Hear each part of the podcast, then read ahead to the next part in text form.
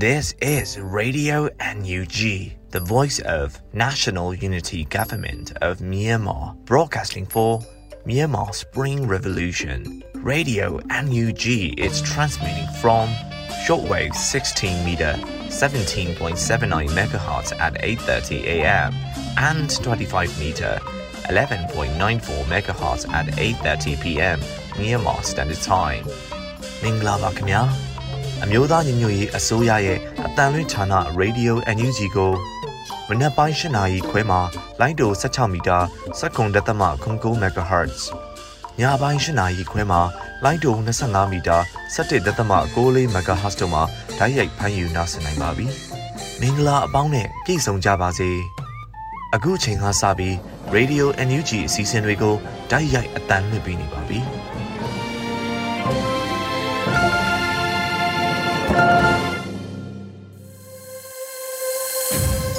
မြန်မာနိုင်ငံသူနိုင်ငံသားအပေါင်းတဘာဝပြီးဆရာနာရှင်ပြီးတို့ကနေကင်းဝေးပြီးကိုစိတ်နှစ်ပါးပြီးကင်းလုံးကြုံကြပါစေလို့ရေဒီယိုအန်ယူဂျီဖွဲ့သားများကဆုတောင်းမြတ်တာပို့သလိုက်ရပါတယ်ရှင်။အခုချိန်ကစပြီးပြည်သူ့ကာကွယ်ရေးတပ်မတော် PDF တနစ်ပြည့်ထိမ့်မှတ်အမျိုးသားညီညွတ်ရေးဆိုရယာယီသမရာကြီးဒူဝါလက်ရှိလာရဲ့အမှားစကားကိုနားဆင်ကြရမှာဖြစ်ပါတယ်ရှင်။ချစ်ခင်လေးစားရပါတော့ပြည်သူပြည်သားပေါင်းတို့ခင်ဗျာယနေ့ဟာဆိုရင်ဖြင့် ကျွန်တော်တို့ပြည်သူတော်လှန်ရေးရဲ့အရေးကြီးတဲ့ပြည်သူ့ကာကွယ်ရေးတပ်ဖွဲ့ကို2021ခုနှစ်မေလ9ရက်နေ့မှာစတင်တည်ထောင်ခဲ့တာဟာတနစ်တည်တည်ရောက်လာခဲ့ပြီဖြစ်ပါတယ်ဒီလိုဖြစ်လာရခြင်းရဲ့အကြောင်းကတော့ကျွန်တော်တို့ပြည်သူလူထုကဒီမိုကရေစီနည်းလမ်းတကျတင်မြှောက်ထားတဲ့အစိုးရကိုရွေးကောက်ပွဲရလဒ်ကို အလေးမထားပဲဖျက်သိမ်းခဲ့တဲ့ မင်းအွန်လိုင်းဟာပြည်သူတို့ရဲ့အာဏာကိုသိမ်းပြီးတော့ဘူကြစိုးမိုးနေတဲ့အကြောင်းပြည်သူတို့ဟာမိမိတို့သာလင်အချုပ်ချာအာဏာပိုင်ရှင်အစ်စ်ဖြစ်တယ်ဒီတိုင်းပြည်ရဲ့အရှင်သခင်အစ်စ်များဖြစ်တဲ့အားလျော်စွာဒီလိုနိလန်မကြတဲ့အချမ်းဖက်ဥပဒေမဲ့လှုပ်ဆောင်ခြင်းကနေကာကွယ်နိုင်ရန်မြန်မာနိုင်ငံအနှံ့အပြားမှာငြိမ်းချမ်းစွာဆန္ဒဖော်ထုတ်ခဲ့ကြပါတယ် ဒီလိုယူသောစွာဒီမိုကရေစီနီလန်ဖြစ်ဖော်ထုတ်ခဲ့ပေမဲ့ဖေဖော်ဝါရီလ9ရက်နေ့နောက်ပိုင်းကနေစပြီးတော့ပြည်သူလူထုကိုအကြောက်တရားနဲ့ချင်းချောက်ပြီးတော့နှစ်ကွတ်ခဲ့တာဖြစ်ပါတယ်ဒီလိုမင်းအွန်လိုင်းနဲ့စစ်တပ်ဟာပြည်သူလူထုကိုနှစ်ကွတ်တဲ့နေရာမှာလုံးဝကြောက်ဒူးတုံအောင်သူတို့တာလင်ဒီတိုက်ပြည်ရဲ့ကံကြမ္မာကိုခြေလေနေတဲ့လူပြည်သူလူထုဟာ သူတို့တွန်တလူတွန်မောက်လူမောက်လူရတဲ့အရာလို့ထင်အောင်သူတို့လှုပ်ဆောင်ခဲ့ကြပါတယ်ဆန္ဒဖော်ထုတ်တဲ့ရဲဘော်ရဲဘက်တီလူငယ်လူရွယ်များကိုခေါင်းတက်တက်မှပြစ်တတ်ပြီးတော့တောက်လျှောက်ကျွန်တော်တို့ပြစ်တတ်လာခဲ့တာအခုဆိုရင်လူပေါင်း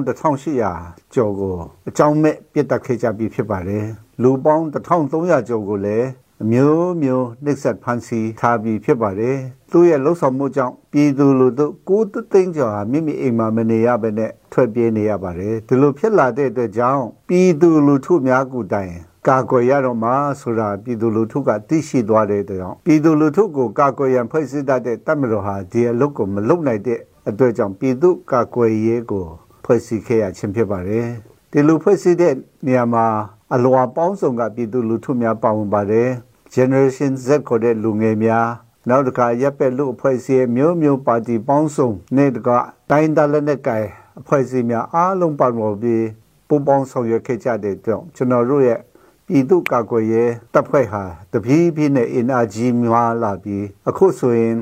တပ်ရင်းပေါင်း150ကျော်တပြေးလုံးမှာဖွဲ့စည်းထားခဲ့ပြီးဖြစ်ပါတယ်လူအင်အားလည်းကျွန်တော်တို့တော်တော်များတောင့်တနေပြီဖြစ်ပါတယ်ပ ထမပိုင်းမှာလက်လွတ်သနတ်တင်နေပဲဖြစ်တယ်လို့ကျွန်တော်တို့တော်လန်လာခဲ့ကြမယ်မဲ့အခုချိန်မှာတော့ပြည်သူလူထုရဲ့ဝိုင်းဝန်းကိုညီမှုတီထွေကြံစမှုနောက်ကြောင့်လက်နဲ့ကောင်းတယ်လဲကြိုင်လာနိုင်ကြပြီဖြစ်ပါတယ်ဒါကြောင့်မလို့တစ်ဖက်ရန်သူကိုလည်းကျွန်တော်တို့ခြေမုံတဲ့အခါမှာတော်တော်ထိရောက်သွားပြီးမဲအောင်လိုက်ရဲ့လက်အောက်ကစစ်တပ်များဟာပြည်သူလူထုဘက်ကိုပြောင်းလဲပြီးတော့ဘက်ပြောင်းလာတာလည်းအများကြီးဖြစ်လာပြီဖြစ်ပါတယ် ဒါဒီဟာကျွန်တော်တို့ရဲ့အောင်မြင်မှုဖြစ်ပါတယ်ဒီလိုအောင်မြင်လာအောင်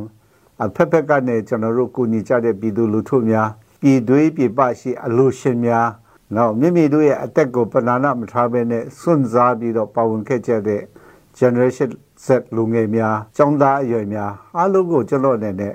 အထူးပဲဂုဏ်ပြုလိုပါတယ်နောက်တစ်ခါဒီလိုမျိုးဖြစ်လာအောင်စစ်ရေးလေ့ကျင့်ပေးတဲ့ တိုင်းဒါလည်းနဲ့ကံဖွဲ့စည်းများကိုလည်းအထူးကျေးဇူးတင်ပါတယ်ကျွန်တော်တို့ရဲ့လှုပ်ဆောင်ချက်ဟာ all inclusive အားလုံးပါဝင်တဲ့တော်လှန်ရေးဖြစ်ပါတယ်ဒီတော်လှန်ရေးဟာအနာဂတ်မှာပြည်ထောင်စုမြန်မာနိုင်ငံရဲ့သမိုင်းကိုသူရစ်ခဲ့မှာဖြစ်ပါတယ်။ကျောင်းသင်ခန်းစာဒီမှာလည်းကျွန်တော်တို့ထည့်သွင်းပြီးတော့သင်ကြားသွားမှာဖြစ်ပါတယ်။ဒါကြောင့်မလို့ဒီပြည်သူ့ကာကွယ်ရေးတပ်ဖွဲ့ဖွဲ့စည်းတဲ့နေ့မှာကျွန်တော်အနေဖြင့်ဒီတော်လန်ရေးမှာ အဖမ်းခံရတော့သူများရက်ဆက်တဲ့စစ်တပ်ရဲ့နှိပ်စက်မှုကိုမျိုးမျိုးခံရသူများအိမ်ချောင်များပျက်စီးသွားတဲ့ဖွဲ့များမီးရှို့ခံရတဲ့ဤဝါများအားလုံးနဲ့တကွ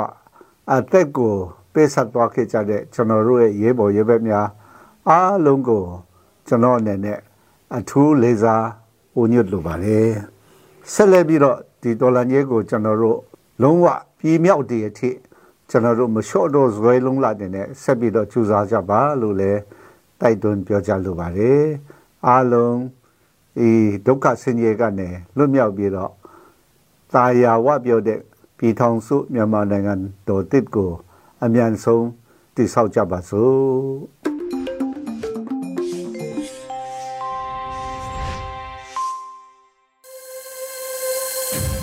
ရေဒီယိုအန်ယူဂျီမှာဆက်လက်တမ်းလွှင့်ပေးနေပါတယ်။ အခုတစ်ခါကာကွယ်ရေးဝန်ကြီးဌာနရဲ့စီရေးသတင်းချင်းချုပ်ကိုတော့ရန်နိုင်မှဖတ်ကြားတင်ပြပေးပါမယ်ရှင်။မြို့သားညီညွတ်ရေးဆိုရာကာကွယ်ဝန်ကြီးဌာနကထုတ်ဝေတဲ့နေ့စဉ်စီရေးသတင်းချင်းချုပ်ကိုတင်ဆက်ပေးပါတော့မယ်။စစ်ကောင်စီတပ်သား9ဦးသေဆုံးပြီးစစ်ကောင်စီတပ်သား4ဦးဒဏ်ရာရရှိခဲ့ပါတယ်။ပထမဦးစွာစစ်ကောင်စီနဲ့တိုက်ပွဲဖြစ်ပွားမှုသတင်းကိုတင်ဆက်ပေးပါမယ်။ KNY ကရားပြည်နယ်မှာမေလ9ရက်နေ့နေ့လယ်3:30မိနစ်30ချိန်ခန့်က ဒီမော့ဆိုမြို့နယ်ခေါဖလော့ကျေးရွာမှာစစ်ကောင်စီတပ်နဲ့ KNDF တပ်များတနအီခန့်ကြာအောင်လက်နက်ကြီးလက်နက်ငယ်များနဲ့တိုက်ပွဲဖြစ်ပွားပြီးတဲ့နောက်စစ်ကောင်စီတပ်သားတအူတေဆုံးခဲ့တယ်လို့သိရှိရပါတယ်ခင်ဗျာချင်းပြည်နယ်မှာမေလ6ရက်နေ့ကမင်းတပ်မြို့နယ်မင်းတပ်မတူပီလမ်းမိုင်40မှာစစ်ကောင်စီကား80ကျော်ရန်တန်း80တိုးနေပြီးရှေ့ပွိုင်များမှာမြေမြုံမိုင်းများနင်းမိကစစ်ကောင်စီတပ်သားများထိခိုက်ဒဏ်ရာများပြားခဲ့တယ်လို့သိရှိရပါတယ်။ မေလ9ရက်နေ့ကဖလန်းမြို့နယ်ဟာကာဖလန်းလမ်းပေါ်ရှိတလန်ဇာကျေးရွာနီမှာစစ်ကောင်စီတပ်နဲ့ CNA CDF ပူးပေါင်းတပ်တို့တိုက်ပွဲဖြစ်ပွားခဲ့ရာ CNA မှရဲဘော်9ဦးနဲ့ CDF ရဲဘော်4ဦးကြာဆုံးခဲ့တယ်လို့သိရှိရပါတယ်ခင်ဗျာ။ဇိုင်းတိုင်းမှာတော့မေလ6ရက်နေ့မနက်9:00နာရီချိန်ကပလဲမြို့နယ်အင်မတီကျေးရွာရှိစစ်ကောင်စီတပ်သားပြူစောတီ20ဦးခန့်ကိုတာယာကုန်းကျေးရွာနီမှာကျက်တစ်နဲ့ပျောက်ကြားတပ်ဖွဲ့တပ်ခွဲရှိ မြေပြင်သိမ်းငံဖွဲ့တို့ကစောင့်ကြိုတိုက်ခိုက်ခဲ့ရာစစ်ကောင်စီတပ်သားနဲ့ပြူစောတီ2ဦးသေဆုံးခဲ့ပါတယ်။မေလ6ရက်နေ့မနက်9:00နာရီချိန်ကခင်ဦးမြို့နယ်အင်းဘတ်ကျေးရွာနီမှာစစ်ကောင်စီတပ်သား30ခန့်အားခင်ဦး Support Organization မှပရိသာမိုင်း6လုံးနဲ့3ကြိမ်မိုင်းဆွဲတိုက်ခိုက်ခဲ့ရာစစ်ကောင်စီတပ်သားများတေဆုံးဒဏ်ရာရရှိခဲ့ကြပြီးရေဦးမြို့တိုင်းဆေးရုံဘက်သို့ကားနှစ်စီးနဲ့တည်ဆောင်သွားခဲ့ပါတယ်။ မေလ6ရက်နေ့ကရွှေဘုံမြို့နယ်မကြီးသုံးပင်ကျေးရွာရှိစစ်ကောင်စီတပ်သားပြူစောတီ150ခန့်အားပြည်သူ့ကာကွယ်ရေးတပ်မတော်ရွှေဘိုခရိုင်တပ်ရင်းလေးရွှေဘို Justice Force ပြည်သူ့ကာကွယ်ရေးအဖွဲ့ရွှေဘိုနဲ့ခင်ဦးမြို့နယ်ဒေသခံကာကွယ်ရေးအဖွဲ့တို့မှ drone နဲ့ပုံကျဲတိုက်ခတ်ခဲ့ရာစစ်ကောင်စီတပ်သားများတေဆုံးခဲ့တယ်လို့သိရှိရပါတယ်။မေလ9ရက်နေ့ကစလင်းကြီးမြို့နယ်ညောင်မင်းကြီးစလင်းကြီးလမ်းပိုင်းနေရာမှာစစ်ကောင်စီတပ်သားများလိုက်ပါလာတဲ့အိမ်စီကားတစ်စီးအား စလင်းကြီး GC Local PDF မှမိုင်းဆွဲတိုက်ခိုက်ခဲ့ရာကားမှာပျက်စီးသွားပြီးစစ်ကောင်စီတပ်သားတဦးသေဆုံးကနှစ်ဦးပြင်းထန်ဒဏ်ရာရရှိခဲ့ပါတယ်။မေလ9ရက်နေ့ည9:40မိနစ်40ချိန်ခန့်ကမြင်းမှုမြို့နယ်ကံပြားစီရက်နဲ့ထီးဆောင်ကြီးရွာကြားညောင်မင်းဝန်းမှမြင်းမှုမြို့နယ်ဘက်ကိုသွားတဲ့စစ်ကောင်စီကားနှစ်စီးအားမုံညို Revolution Force MNRF Pentagram 9000ကျဲစကိုင်း Special Operation Forces SSOF ဖွဲ့တို့က မိုင်းဆွဲတိုက်ခတ်ခဲ့ရာစစ်ကောင်စီကားတစ်စီးအားထိမိစွာတိုက်ခိုက်နိုင်ခဲ့ပြီးစစ်ကောင်စီတပ်သားများတေဆုံးမှုများနိုင်တယ်လို့သိရှိရပါတယ်ခင်ဗျာတနင်္လာရီတိုင်းမှာတော့မေလ9ရက်နေ့မနက်6:00နာရီချိန်ကဗိုလ်ပြင်းမြို့နယ်စစ်ကောင်စီဘက်မှတပ်စခန်းချထားတဲ့ရတနာဘုံဒေသဖျားရန်တောင်မှာပြည်သူ့ကာကွယ်ရေးတပ်မတော်ပြည်သူ့ကာကွယ်ရေးဖွဲ့နဲ့ KNL ပူးပေါင်းဖွဲ့များကြားတိုက်ပွဲဖြစ်ပွားခဲ့ပြီးစစ်ကောင်စီတပ်ချက်ကြီးတဦးတေဆုံးကဒုတက်ချက်တဦးနဲ့တပ်သားတဦးထိခိုက်ဒဏ်ရာရရှိခဲ့ပါတယ်။ တိုက်ပွဲပြင်းထန်တဲ့အတွက်ကြောင့်တိုက်ပွဲဖြစ်ပွားနေတဲ့အနည်းရှိရွာဖြစ်တဲ့ရတနာဘုံရွာနေပြည်သူများနေဆက်ဘက်သို့ထွက်ပြေးတင်းရှောင်နေခဲ့ကြရပါတယ်။မေလ9ရက်နေ့ည9:30မိနစ်30ချိန်ခန့်ကလောင်းလုံးမြို့နယ်တကြက်တော်နယ်မြေရဲစခန်းကိုပြည်သူ့ကာကွယ်ရေးတပ်များဝင်ရောက်တိုက်ခိုက်ခဲ့ရာနှစ်ဖက်အပြန်အလှန်လက်နက်ကြီးလက်နက်ငယ်များပစ်ခတ်ကာတိုက်ပွဲပြင်းထန်ခဲ့ပါလေခင်ဗျာ။မကွေးတိုင်းမှာတော့မေလ9ရက်နေ့ညနေ4:30မိနစ်30ချိန်ခန့်က ပခုတ်ကူမြို့နယ်အနောက်ဖုံးကန်ရွာမှာတက်ဆွဲထားတဲ့စစ်ကောင်စီတပ်များကိုနသာမြိုင်ပျောက်ကြားတပ်ဖွဲ့တမမြေပျောက်ကြားတပ်ဖွဲ့ပခုတ်ကူ People's Defense Force နဲ့ Earthquake People's Defense Force တို့ကပူးပေါင်းပြီးလက်နက်ကြီးများနဲ့ပစ်ခတ်တိုက်ခိုက်ခဲ့ကြပါတယ်ခင်ဗျာဆက်လက်ပြီးတော့စစ်ကောင်စီကကျူးလွန်တဲ့ရာဇဝတ်မှုများကိုလည်းတင်ဆက်ပေးပါဦးမယ်။ကရင်နီကရားပြည်နယ်မှာစစ်ကြောင်းထိုးစဉ်နှစ်လအတွင်းစစ်ကောင်စီရဲ့တပ်မ66လက်အောက်ခံ ဗိုလ်မှူးခန့်လင်းဦးဆောင်တဲ့ခလာရ17စစ်ကြောင်းမှပြည်သူ10ဦးခန့်ကိုအကြောင်းမဲ့ပစ်တက်ခါနေအိမ်များကိုအကြောင်းမဲ့မိရှုခဲ့ကြောင်းစီဒီအန်ပြုလုပ်လာတဲ့တပ်သားအက်စ်မန်ထံကသိရှိခဲ့ရပါတယ်ခင်ဗျာ။စကိုင်းတိုင်းမှာတော့မေလ6ရက်နေ့မနေ့10:00နာရီချိန်ခန့်ကညောင်မြို့နယ်မြစ်ဆုံကြီးရွာကိုရောက်ရှိနေတဲ့စစ်ကောင်စီတပ်သားများကကြေးရွာနေအိမ်များကိုမိရှုဖျက်ဆီးခဲ့ကြပါတယ်။မေလ6ရက်နေ့ကခင်ဦးမြို့နယ်တဲစုကြေးရွာကိုစစ်ကောင်စီတပ်သားများနဲ့ပြူစောတိများဝင်ရောက်လာပြီးကြေးရွာတွင်းရှိနေအိမ်များကို ၃နေရာခွဲမီးရှို့ခဲ့ရမှာပြည်သူပိုင်နေအိမ်၃လုံးမီးလောင်ပျက်စီးခဲ့ရပါတယ်။မေလ6ရက်နေ့မနက်၄နာရီချိန်ခန့်ကဘူးတလင်မြို့နယ်ကမ်းသေးကျေးရွာကိုစစ်ကောင်စီတပ်သား80ခန့်ဝင်ရောက်ခဲ့ပြီးနေအိမ်48လုံးကိုမီးရှို့ဖျက်ဆီးခဲ့ကအသက်88နှစ်အရွယ်အဖွားတဦးမီးလောင်တေဆုံးခဲ့ရပါတယ်။မီလာချောင်းတွေကရေဦးမြို့နယ်နှောကုန်းကျေးရွာကိုစစ်ကောင်စီတပ်သားများဝင်ရောက်ခဲ့ပြီး ကျေးရွာနေအိမ်၃လုံးနဲ့ကောက်ရိုးပုံ၃ပုံတို့အားမီးရှို့ဖျက်ဆီးပြီးပြည်သူတအူးကြည်ထိမှန်တေဆုံးခဲ့ပါတယ်။မေလ6ရက်နေ့မနက်7:00နာရီချိန်ခန့်ကရွှေဘုံမြို့နယ်မကြီးသုံးပင်ကျေးရွာမှာစစ်ကောင်စီတပ်သားနဲ့ပြူစောတိ150ခန့်တပ်ဖြန့်ပြီး RPG 60မမ40မမဆက်လက်ငယ်များနဲ့ပစ်ခတ်ခဲ့ပြီးနေအိမ်ခုနှလုံးအားမီးရှို့ခဲ့ကြပါတယ်။မေလ9ရက်နေ့ညပိုင်းကတမူးမြို့နယ်စနကူးရက်ကွက်နေကိုတောင်းနိုင်ထွန်းအားစစ်ကောင်စီမှဖမ်းဆီးခေါ်ဆောင်သွားခဲ့ပြီး၎ င်းအိမ်ထဲမှာဖုန်းလေးလုံးလဲစစ်ကောင်စီမှယူဆောင်သွားခဲ့ပါတယ်။မေလ9ရက်နေ့နေ့လယ်တနာရီ23မိနစ်ချိန်ကမုံရွာမြို့နယ်မုံရွာအမြင့်လမ်းပေါ်ရှိရွှေကုန်းကျေးရွာနယ်ကြောင်မေဆောက်ကျေးရွာကြားရှိမဟာမင်းကျောင်းဆရာတော်တစ်ပါးအား Alpha တစီ Prado ပုံပြောင်း 2J 2756 တစီစုစုပေါင်း2စီးဖြင့်စစ်ကောင်စီမှလာရောက်ဖမ်းဆီးခဲ့ကြပါတယ်ခင်ဗျာ။မကွေးတိုင်းမှာတော့မေလ6ရက်နေ့နေ့လယ်တနာရီချိန်ခန့်က ရေစကြိုမြို့နယ်အလဲတောင်နဲ့ဇီးကုန်းကျွန်းရွာများကိုစင်မရဲဟင်းတာနဲ့စင်ချောင်းရွာများမှပြူစောတိများရောက်ရှိလာပြီးနေအချို့ကိုဖျက်ဆီးဝင်ရောက်ခါပစ္စည်းဥစ္စာများ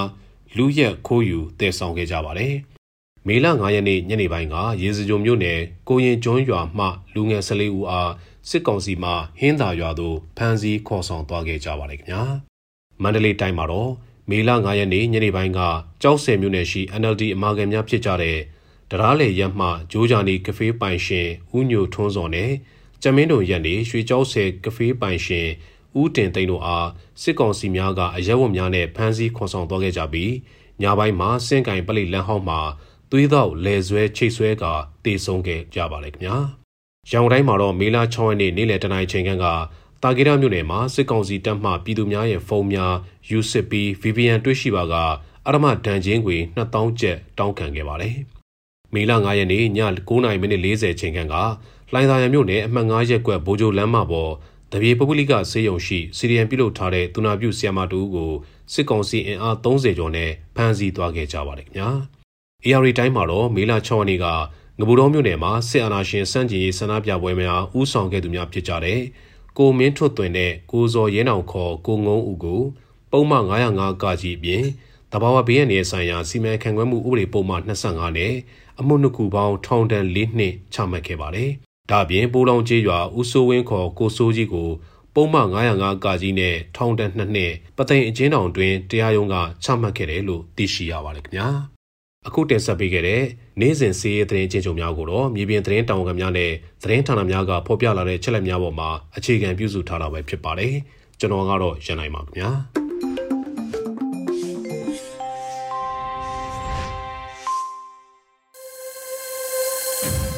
ရေဒီယိုအန်ယူဂျီရဲ့မနက်ခင်းစီစဉ်တွေကိုဆက်လက်တင်ပြနေပါတယ်။အခုဆက်လက်ပြီးနောက်ဆုံးရသတင်းများကိုတော့နှွေဦးမှုမှဖတ်ကြားတင်ပြပေးပါမယ်ရှင်။မင်္ဂလာပါရှင်။နောက်ဆုံးရသတင်းများကိုတင်ဆက်ပေးသွားမှာပဲဖြစ်ပါတယ်။ခုတင်ဆက်မယ့်သတင်းတွေကိုတော့ Radio Energy သတင်းတာဝန်ခံတွေနဲ့ခိုင်လုံတဲ့မိဘသတင်းရင်းမြစ်တွေကအခြေခံတင်ပြထားတာဖြစ်ပါတယ်။ကျွန်မနှွေဦးမှုပါတော်လိုင်းအတွင်းကြာဆုံးခဲ့တဲ့ရေဘော်တွေခြေလက်အင်ကာစွန့်လှူခဲ့ရတဲ့ရေဘော်တွေဟာ ပြည်သူသူရဲကောင်းအဖြစ်အစင်မြက်မော်ကွန်းတင်ကုန်းပြုရမယ့်ပုံကိုယ်တွေဖြစ်တယ်လို့ကာကွယ်ဝင်ကြီးပြောဆိုတဲ့သတင်းကိုဥစွာတင်ဆက်ပေးပါမယ်တော်လိုင်းအတွင်းကြာဆုံးခဲ့တဲ့ရေပေါ်တွေခြေလက်အင်္ဂါစွန့်လွန်ခဲ့ရတဲ့ရဲဘော်တွေဟာပြည်သူသူရဲကောင်းအဖြစ်အစင်မြဲအော်ကွန်းတင်ကုန်ပြရမယ့်ပုဂ္ဂိုလ်တွေဖြစ်တယ်လို့ကာကွယ်ဝင်ကြီးဦးရင်မုံကပြောဆိုလိုက်ပါတယ်။ပြည်သူကာကွယ်ရေးတမတော် PDF တီထောင်ကြောင်းကြေညာခြင်းတစ်နှစ်ပြည့်အမှားစကားမှာကာကွယ်ဝင်ကြီးဦးရင်မုံကထည့်သွင်းပြောကြားခဲ့တာဖြစ်ပါတယ်။ဒီနေ့ဒီရက်မှာငါတို့အထူးသတိရနေမိတာကတော်လိုင်းအတွင်းကြာဆုံးခဲ့တဲ့ရဲဘော်တွေ ရှစ်လက်အင်ကစွန့်လူခဲ့ရတဲ့ရဲဘော်တွေကိုပဲဖြစ်တယ်။သူတို့အားလုံးဟာပြည်သူသူရဲကောင်းတွေဖြစ်အစင်မြင့်မော်ကွန်းတင်ကုန်ပြရမယ့်ပုဂ္ဂိုလ်တွေဖြစ်တယ်လို့ဝန်ကြီးကဆိုပါတယ်။စစ်ကောင်စီတပ်တွေဟာလက်ရှိမှာဖမ်းဆီးရမိတဲ့ကာကွယ်ရေးတပ်ဖွဲ့ဝင်တွေကိုညှဉ်းပန်းနှိပ်စက်တပ်ဖြတ်လျက်ရှိပါတယ်။လက်ရှိမှာလည်းကြာဆုံးရဲဘော်တွေအတွက်ကျန်းရတဲ့မိသားစုဝင်တွေကိုငွေတိုက်စာချုပ်များဝယ်ပေးဖို့အမျိုးသားညီညွတ်ရေးအစိုးရကပြင်ဆင်လျက်ရှိပါတယ်ရှင်။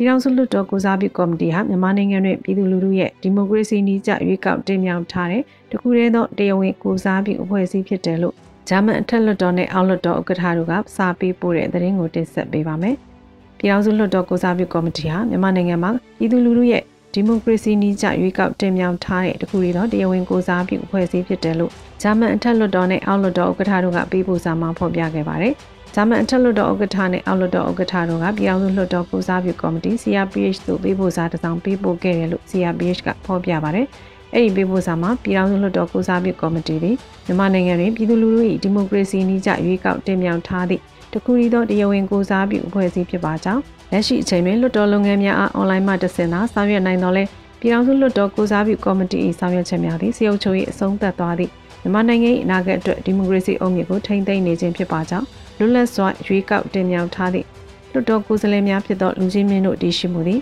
မြန်မာပြည်သူလူထုအနေဖြင့်ဒီမိုကရေစီအခွင့်အရေးများနှင့်လွတ်လပ်မှုအတွက်ရက်တည်ရဲ့အခွန်အားနှင့်အတူမျှော်လင့်ချက်များပေးလျက်ရှိပါကြောင်းဖော်ပြထားပါတယ်။ဒါ့အပြင်လွန်ခဲ့တဲ့တစ်နှစ်ကျော်ကလေးကမြန်မာစစ်တပ်ဟာနိုင်ငံရေးအဖွဲ့အစည်းပုံအခြေခံဥပဒေနဲ့ညီအုပ်ချုပ်တဲ့စနစ်ကိုဥပဒေမဲ့ဖောက်ဖျက်ခဲ့ပြီးနောက်လွတ်လပ်မှုတရားမျှတမှုနဲ့ဒီမိုကရေစီတို့ကိုအင်အားသုံးပိတ်ပင်တားဆီးရန်ကြိုးပမ်းခဲ့ပြီးမြန်မာပြည်သူတို့ကိုအလွန်အကျွံကြမ်းဖက်မှုများနဲ့တိုက်ခိုက်ခဲ့ပါကြောင်း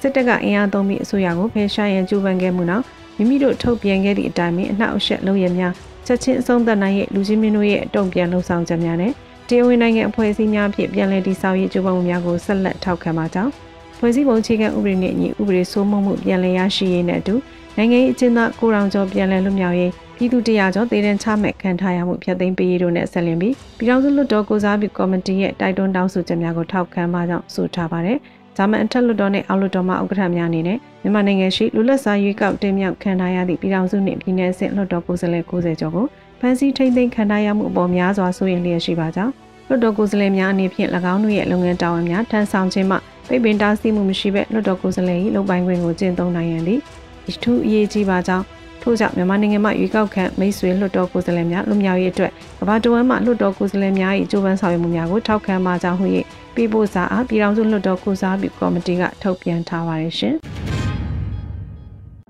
မြောင်လိုင်းနေအိမ်ကိုအစုရှယ်ယာတစုလင်ဒေါ်လာ100နဲ့နိုင်ငံပေါင်း29နိုင်ငံမှကိုယ်စားလှယ်များကရောင်းချပေးမယ်ဆိုတဲ့သတင်းကိုတင်ဆက်ပေးပါမယ်။မြောင်လိုင်းရဲ့အိမ်ကိုအစုရှယ်ယာတစုလင်ဒေါ်လာ100နဲ့နိုင်ငံပေါင်း29နိုင်ငံမှကိုယ်စားလှယ်တွေကရောင်းချပေးလျက်ရှိပါတယ်။မီလ6ရက်နေ့မှာ NOD Data 8 EOD ကတရားဝင်ကြေညာခဲ့ပါတယ်။ NOD Data 8 EOD ရဲ့အစုရှယ်ယာတွေကို EOD အတိမတ်ပြုကိုယ်စားလှယ်တွေကတဆင့်ရောင်းချပေးနေပါပြီ။အစုရှယ်ယာတစ်ခုကို US ဒေါ်လာ100ဖြစ်ပါတယ်။မိမိတို့နဲ့သက်ဆိုင်တဲ့နိုင်ငံအသီးသီးမှာငွေပေးချေတဲ့အခါ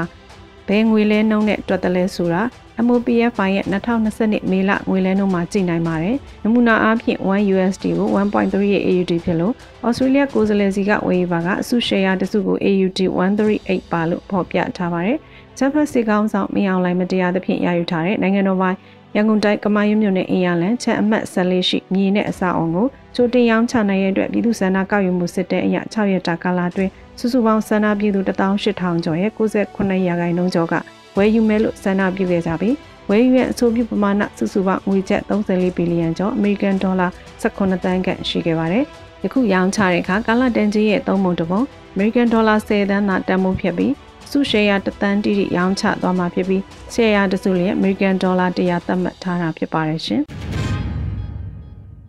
နောက်ပိုင်းတိုင်းစစ်ဌာနချုပ်တိုင်းမှုဗိုလ်ချုပ်ထင်လက်ဦးကိုအေးစစ်ဦးစီးချုပ်ဗိုလ်ချုပ်ထွန်းမြတ်နိုင်ကသတိပေးတဲ့သတင်းကိုတင်ဆက်ပေးပါမယ်။နောက်ပိုင်းတိုင်းစစ်ဌာနချုပ်တိုင်းမှုဗိုလ်ချုပ်ထင်လက်ဦးကိုအေးအေးစစ်ဦးစီးချုပ်ဗိုလ်ချုပ်ထွန်းမြတ်နိုင်ကအာယုံနောက်နေပြီလို့သတိပေးပြောကြားလိုက်ပါတယ်။ကိုထင်လက်ဦးသိလျှောက်လုံးနေနဲ့အာယုံနောက်နေပြီငင်းရဲဘာညာတောက်ကျစိုက်နေမှာမဟုတ်ဘူး။ မင်းနေတဲ့နေရာထိတက်ကြိတ်ပလိုက်မှာနော်လို့၎င်းရဲ့ Twitter မှာရေးသားပြောကြားထားပါတယ်။၎င်းတိုင်းမှုမှာလက်တလုံးမှာအုပ်ချုပ်ရေးအကြောင်းအရာများကိုဝင်ရောက်လှုပ်ဆောင်ပြီးတော့လုပ်ငန်းဆောင်ရွက်မှုများပြသလျက်ရှိနေပါတယ်။ရခိုင်ပြည်နယ်မှာရခိုင်တပ်တော် AA ဟာနေမြေစုမွေးနဲ့အုပ်ချုပ်ရေးကိုအဓိကဆောင်ရွက်နေပြီးစစ်တပ်ကအစင်းမြိုင်းသဖွယ်လာရောက်လှုံ့ဆော်တဲ့အတွက်တတိပေးတာဖြစ်နိုင်တယ်လို့လည်းနိုင်ငံရေးလေလာသုံးသပ်သူတို့ကဆိုပါတယ်ရှင်။ဘူးဒလင်မြို့နယ်ကန်တဲ့ကြီးရွာအတွင်းကို ဂျမ်ဖက်စီအုပ်စုရဲ့တက်ဝင်ရောက်လာခဲ့ပြီးမိရှုခဲ့ခြင်းကြောင့်အသက်88နှစ်အရွယ်ရှိဖွားအိုတူမီလောင်သေးဆုံးတဲ့သတင်းကိုတင်ဆက်ပေးပါောင်းမယ်။ဘူးဒလင်မြို့နယ်ကန်တဲ့ကြီးရွာအတွင်းကိုဂျမ်ဖက်စီအုပ်စုရဲ့တက်ဝင်ရောက်လာခဲ့ပြီးမိရှုခဲ့ခြင်းကြောင့်သက်88နှစ်အရွယ်ရှိအဖွားအိုတူမီလောင်သေးဆုံးခဲ့တယ်လို့သတင်းရရှိပါတယ်။မေလ6ရက်နေ့နနက်၄နာရီအချိန်မှာစစ်ကောင်စီတပ်တွေဟာဘူးဒလင်မြို့နယ်ကန်တဲ့ကြီးရွာအတွင်းကိုဝင်ရောက်မိရှုခဲ့တယ်လို့ AAPP ကဖော်ပြပါတယ်။မေ6နနက်၄နာရီဝန်းကျင်မှာ စကိုင်းတိုင်းဒေသကြီးပုတလင်မြို့နယ်ကန်သေးချရွာအတွင်းကိုအကြမ်းဖက်စစ်အုပ်စုရဲ့တပ်ဝင်ရောက်လာခဲ့ပြီးမီးရှို့ခဲ့ခြင်းကြောင့်တပ်88နှစ်အရွယ်ရှိဘွားတို့မီလောင်သေးဆုံးသွားခဲ့ကြောင်းသိရှိရပါတယ်လို့ဆိုထားပါတယ်။မီလ9ရက်နေ့မှာ Fire Service Department MOHCI NUG ကနေ အကြမ်းဖက်စစ်ကောင်စီမှကျူးလွန်ထားသောမိရှုဖျက်ဆီးမှုများစီရင်ကိုထုတ်ပြန်ခြင်းများရာဧပြီ၁ရက်နေ့မှ30ရက်နေ့ထိသကိုင်းတိုင်းတွင်စစ်ကောင်စီတပ်များမှလူနေအိမ်3555လုံးကိုမိရှုဖျက်ဆီးခဲ့ပြီးမိရှုတပ်ဖြတ်ခံရသူအရက်သား9ဦးရှိကပြစ်သက်ခံရသူ26ဦးရှိခဲ့ပါတယ်။ဆီယနာရှင်တော်လိုင်းနှွေဦးတော်လိုင်းကာလအတွင်းကြာဆုံးခဲ့ရသူစုစုပေါင်းမှာမြန်မာနေ့အထိ1825ဦးရှိခဲ့ပြီလို့ဖော်ပြပါတယ်ရှင်။ ဘုံရန်သူဟာစစ်ကောင်စီဖြစ်တယ်လို့စီရီယံဘူကြီးခန့်ကိုပြောဆိုတဲ့သတင်းကိုတင်ဆက်ပေးပါောင်းမယ်။ဘုံရန်သူဟာစစ်ကောင်စီဖြစ်တယ်လို့စီရီယံဘူကြီးခန့်ကိုကပြောကြားလိုက်ပါတယ်။မေလ6ရက်နေ့မှာစီရီယံဘူကြီးခန့်ကိုကလူမှုကွန်ရက်မှာတော်လိုင်းအင်အားစုတွေစီယုံမှုကိုပြောကြားခဲ့တာပါ။တိုးကြုံမဲ့ပြောတော့မယ် NUG ကိုအပြုသဘောဆောင်တဲ့ဝေဖန်ထောက်ပြမှုတွေနဲ့ရှေ့ဆက်ကြမယ်။တွေးခေါ်ရီအရန်မြင်ပြီးလမ်းလွဲမသွားဘူးလို့တယ်။ဘုံရန်သူဟာစစ်ကောင်စီလို့ဆိုပါတယ်။လက်တလုံးမှာအကြောင်းရံများအပေါ်တော်လိုင်းအင်အားစုများအငင်းပွားလျက်ရှိကြပါတယ်။ လက်ရှိမှာစီရီယံဝင်လာတဲ့တက်နဲ့အရင်အင်အားတပေါင်းခန့်ရှိနေပြီပဲဖြစ်ပါရဲ့ရှင်။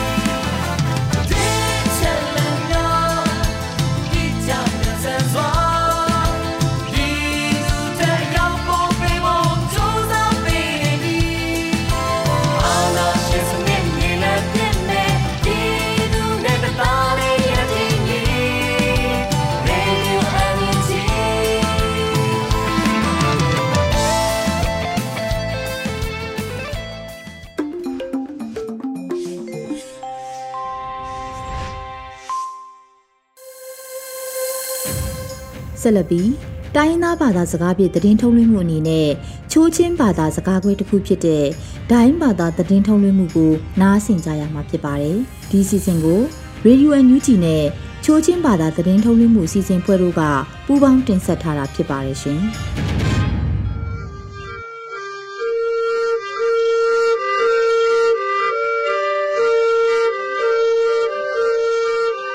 radio NUG dai bek thailo nak chunga ki no pa be na ning ya ye nang ni tungoi khokum thong ko nam pu yang him thau kha am hap chu lom nu sun su ma tung hung ya ka thange sun ki da chalai no kaning yam the lok khaya ka ki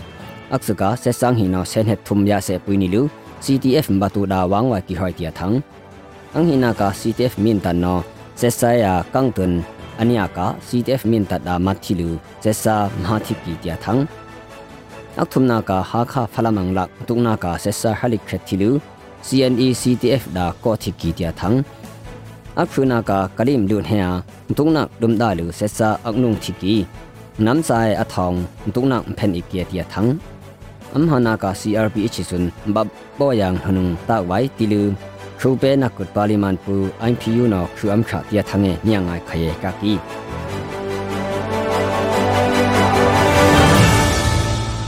phekha amnham ku yamatung se sang hi sun sen het thum ya se puini lu ctf batu da wangwa ki tilu ctf batu no no kha amna phung thangani pra hwa ka kini asona phu se sai no homi khu bukia angdona khu ya man ulu ania se pui u aniam khum thi u tia hum hata ka ki sen het thum ra e be wa ya phu su se sai san ya sun ctf batu no ania tham set se sa pung อันยาเซปุยอูอันยามคุมทีอูติยามุหตากากีเซนเฮทุมระอีเบวายาพุสุเซซายสัญญาสุน CTF บาตูนออันยาทำเสร็จเซซาปุงอิติยาพีงีตองถึงขนาดกุบีไว้ติลูอันนี้เป็นากากีมินตันบาตุลัมตุงนักเวลูเซซาอักดบดาทิกี CTF บาตุดาปีมาทิกียากากีตัวกุมโนคาอัมนพรุงมินตันบาตุลามาตุงนักเวลูเซซามฮาทิกีอักเลมปีดมดักยากากีตุงนังปุงลลู CTF มินตันฮูดาอังนองเบลามาไม่สองเอกี CTF มินตัดสองปรังมัดทิกียากากีไม่ปอกลูทิกิตา เป็นไวอัมยูไม่นออปอกซิเซซาอักดบดาเวไคติลู CTF มินตัดเป็นซึ่งสลายฮาอมนออเปนากากีตัวกุมนหูขาอัมถมหังอันนี้ตุนอีฮาคาฟลามังลักตลานซานัมปีตุงนากา CNE มหา CTF พูทิลูเซซาฮลิเคตทิกยากากีก็นาอักดบดาเลฟกีติลูตะชินจาเนนออเป็นหัวกากีเซซาปูนอหูขาอัมหพรุง ram thalu nam im haya amnam hang talan sa nam im sha meyung anim khia ka ki kalin heng tu na ka sesa athi dum da lu nam sa athong tum phen ikki tilu pdf kalino no kha amna phung thangak pra hwa ka ki no kha amna hya khu sesa pu no sha pu nam da ya tu la ulu pdf kali ctf kkg rktf ပါကဖာယာဆိုမီ PDF နောင်ဒွန်ဥလူအနိယတုဘယာကာကီနုံဟင်တုနာဥမုံဆက်ဆာဒါမကူသီလူအကလပ်ဒါလက်ပြာကာကီတုံနန်ဟန်အနိမ်စင်ဆိုင်ဥမုံဆက်ဆာရောက်ဖြူယမ်ဟူလူ ME 1ဟီ ME 2ဟီ ME ယန်တောင်အင်ဟာယန်တောင်ဖရမ်ဟာကိလမ်ခပ်မိုင်းမတ်ကုဒဝန်ပုန်မတ်ဖုန်လုံဟီအနိယရာဝါကာကီဘုံရုကထုမ်ယာတိုင်လူအနိမ်ချောနာဒရုံဖီအနိကခါဝါကာကီ ราวากากีบุงลุกทุมยาไตลูอันิมชอนาดรงพีอันิกาขักวากากีตุกนักอุมง CDF KKG ดามัดเลมลูเซนเฮดดุมนออสุกอีชาปุงนำมังหิทิกยากากีกะลิมลูซุนสิกันของปุยลูอักตุงบอกาครุขังเงเวนะลูอากากินีปีทองสุทัดดอกูซับยูกอมตี CRPH ซุนบาบอยังหนุงตาไว้ติลูอพรังหิกอนะครูเปคงเปนักกุดปาลิมานปู IPU นออินโดนีเซียทุนักหนาครูอัมชาติลู People Springer ทักปรานากุงหัวกากินี bakhange da luina dan baya crph sun thongpe na kut parliament pum lhoilu pui bai me pe khai ko nikia thona kung pui khai tilu anim kha ka kini thatto amate khana sesapua sanjana kung sung ikya pi khum khana ve kya ka ki ipu sun no crph ya khut bi pa pe ya ve so ya bu ten lu bai tilu ipu athui thui atun yi mu chuk martin chong kong na CRPH yung angwai uang chinya da saak biung wikya kaki CRPH sun ang PU da ang khung ang dui lu ang PU thuna ani kai wai pi ya po pen pen ta kaki sun ko na ang PU no CRPH aku ei wai sun po pen na tun ei lo kaki ti sun huna wekya kaki sunga kinu pa be na ningya ye nak ni lo be tu kin khun zum lom hop tu tia ning khum be tu komu